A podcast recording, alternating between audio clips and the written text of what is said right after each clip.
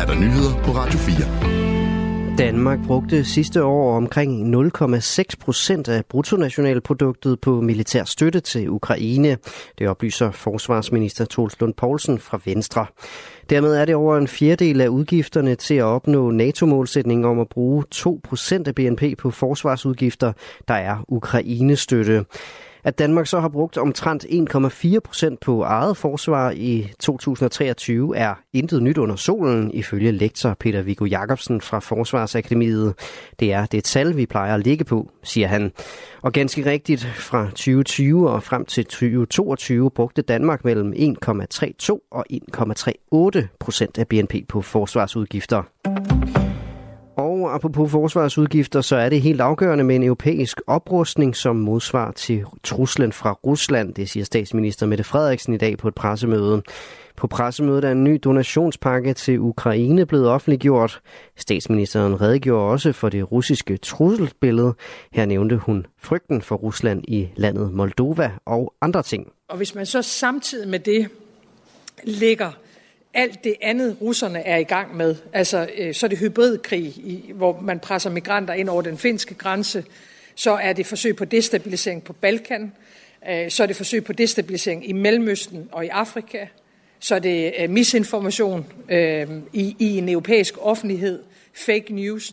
Og med alle de aggressioner fra Rusland, så kalder det på mere europæisk oprustning, oprustning, lyder det fra statsministeren. Så er det et meget mere aggressivt Rusland, end vi har været vant til igennem en, en årrække. Og derfor er vi af den klare bevisning, og, og det er rigtigt, at, øh, at det er mere alvorlige ord. Øh, det er en større bekymring, også fra vores side, at det er helt og aldeles afgørende med en hurtig europæisk oprustning, for at vi kan forsvare os selv, ganske enkelt. På bare tre måneder kan man med kolesterolsænkende medicin nedbringe mængden af giftige PFAS-stoffer i kroppen med 60 procent, altså 20 gange hurtigere end kroppen selv kan klare. Det viser ny forskning fra Holbæk sygehus. Uden medicin tager det nemlig kroppen 3-4 år at udskille den samme mængde PFAS, og det er netop forskernes håb, at den nye viden vil kunne hjælpe mennesker, der har et højt niveau af fluorstofferne i kroppen. Det siger Anne Lyngberg, der er cheflæge på Holbæk sygehus for os er det her første brik i en, en mulig behandling, øh, som kan hjælpe mennesker med meget højt niveau af, af PFAS øh, i kroppen, og hvor det er øh, særligt problematisk, at de har det. Og det er blandt andet gode nyheder for en række borgere i Korsør i Slagelse Kommune, som oplevede forhøjet mængder PFAS i kroppen efter at have spist kød fra køer, som havde græsset tæt på en brandskole i Korsør. Det kunne fx være unge kvinder, som øh, har meget højt niveau af PFAS, f.eks. fra kursør og som øh, ønsker at blive gravide og ikke ønsker at give de her stoffer videre til deres øh, kommende, øh, kommende barn. Fordi der fortsat mangler meget viden, kan forskerholdet endnu ikke komme med noget estimat af, hvornår en mulig behandling vil være klar.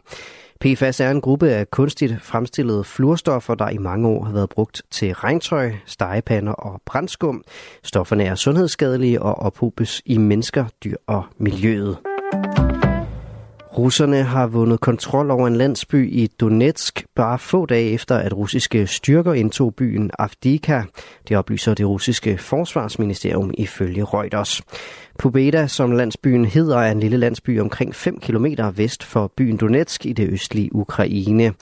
Ifølge de russiske oplysninger rykker russiske enheder frem i området, hvor de angiveligt har afvist ni modangreb fra Ukraine og tilføjet Ukraine tab med op mod 145 faldende.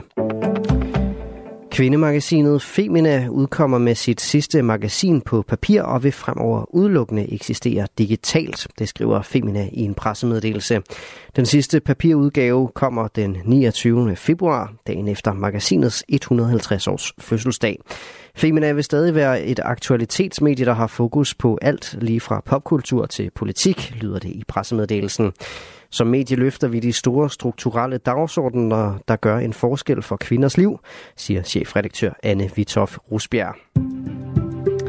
Mest skyde, diset og lokalt med tåge. I de østlige egne kan der stedvis komme lidt regn eller finregn. Let til frisk vind omkring syd og temperaturer mellem 5 og 10 grader. I aften og i nat overskyet og efterhånden udbredt regn fra sydvest. I nat efterhånden efterfulgt af byer, der lokalt kan være med slud. Det var nyhederne her på Radio.